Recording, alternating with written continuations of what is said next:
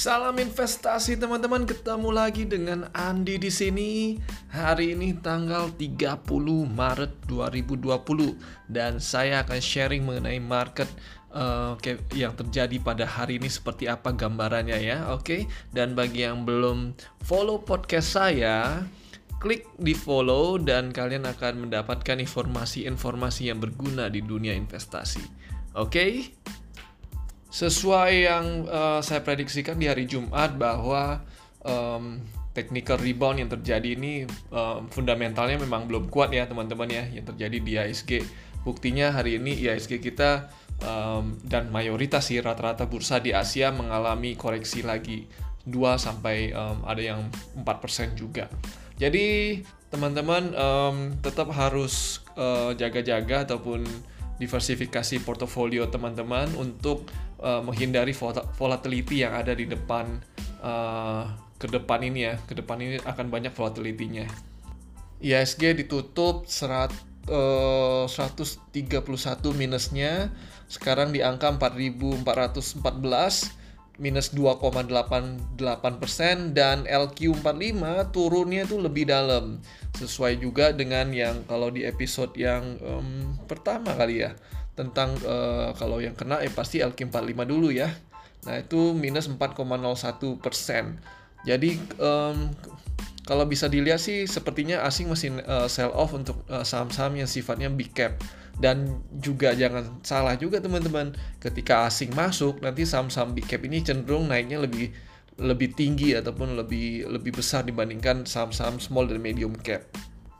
Oke, jadi kurang lebih um, euforia atas uh, kuantitatif easing yang dilakukan di Amerika Serikat yaitu senilai 2 uh, billion US dollar itu kayaknya uh, cukup terhenti di hari Senin ini. Sepertinya memudar karena berdasarkan info yang uh, didapati menurut data John Hopkins uh, eh, CSSI itu sekarang kurang lebih ada uh, eh, COVID-19 ini sudah uh, ada di 170 negara dan um, dengan 724 ribu orang yang terjangkiti oleh COVID-19 ini. Sejauh ini korban yang meninggal udah 34 ribu orang dan lebih dari 152 ribu orang dinyatakan sembuh. Lalu pertanyaannya apakah COVID-19 ini akan terus uh, angkanya akan terus tinggi? Kalau menurut saya sih uh, puncaknya masih belum. Jadi masih grafiknya kita lihat masih akan naik terus uh, kecuali uh, COVID-19 yang berada di China itu di di China sih overall sekarang udah lebih cenderung turun bahkan uh, lockdownnya sudah dibuka cenderung dia lockdownnya itu malah untuk orang-orang yang di luar untuk masuk ke China jadi dia untuk uh, karena dia tahu nih negara-negara di Eropa di Asia yang lain ini masih uh, COVID-19-nya nih penyebarannya masih luar biasa ganas ini luar luar biasa banyak jadi dengan cara dia menutup orang uh, ataupun warga negaranya yang di luar untuk kembali ke China dia menutup kemungkinan terjadinya terjangkitnya lagi atau wabah uh, eh, COVID-19 ini meluas di China itu kembali. Pemerintah Indonesia juga sebenarnya sudah melakukan banyak hal sih terkait penanggulangan COVID-19 ya.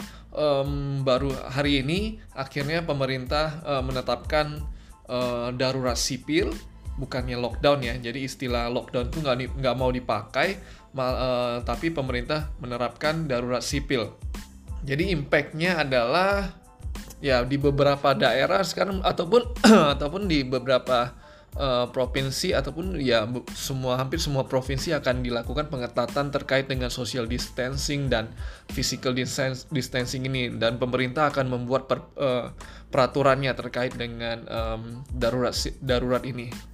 Hari ini juga ISG sempat turun lebih dari 5%, ya walaupun ditutup uh, uh, di bawah 3%, tapi ISG sempat sebenarnya sih sempat minus 5% di awal-awal trading di uh, di sekitar jam 10-an lah.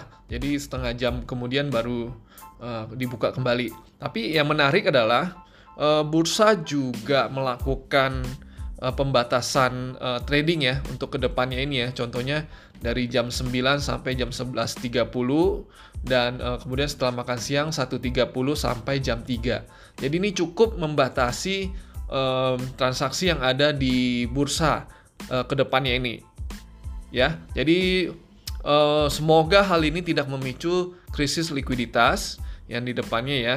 Biasanya um, melihat gini uh, ini sih salah satu strateginya bursa sih untuk um, ya untuk memperlambat ataupun menjaga keutuhan uh, pasar modal di Indonesia khususnya di saham. Ya, yang menarik juga saham-saham defensif. Um, kalau teman-teman kemarin masih ikut podcast saya yang sebelumnya terkait sektor-sektor yang defensif, um, kita bisa juga lihat bahwa hari ini walaupun indeks minus segitu dalamnya, tapi uh, salah satu perusahaan uh, di utility yaitu Telkom juga uh, performanya bagus, malah dia hijau hari ini. Dan ke depannya kita lihat sepertinya masih ada peluang untuk um, sektor-sektor defensif ini untuk uh, bertumbuh ya. Kalbe juga uh, uh, plus juga hari ini. Jadi teman-teman juga bagi yang ingin mulai investasi ataupun yang sudah mulai ingin mengoleksi sahamnya, sepertinya boleh dimulai terlebih dahulu nih dengan saham-saham ataupun sektor-sektor yang sifatnya defensif sektor yaitu sektor utility, healthcare, uh, consumption, dan mungkin yang terakhir baru finance. Tapi um, perbankan di Indonesia kayaknya kita harus memilih top 5 ataupun top 10 perbankan yang ada di Indonesia mengingat ke depannya ini karena lockdown ini kan membatasi konsumsi nanti konsumsi otomatis orang nggak nggak uh, maksudnya perusahaan-perusahaan harusnya yang terkait dengan uh, baik itu konsumsi ataupun ekonomi akan mengalami penurunan, penurunan sales ataupun yang lain-lainnya.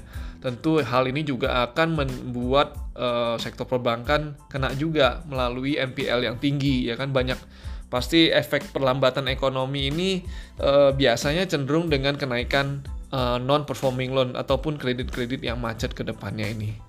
Jadi itu aja yang ingin saya sampaikan. Kesimpulannya adalah ke depan saya melihat masih uh, market masih akan volatility, belum ada fundamental yang kuat, uh, masih menunggu hasil um, hasil dari vaksin dari COVID COVID-19 dan itu yang pertama. Yang kedua, kita ada opportunity, saham sudah masih diskon kurang lebih 30-an persen.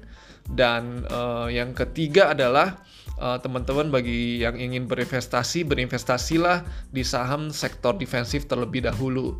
Ataupun uh, melakukan rebalancing ataupun diversifikasi portofolio kalian. Oke, okay? uh, eh, sekian dulu uh, update dari saya teman-teman. Saya Andi undur diri. Bye.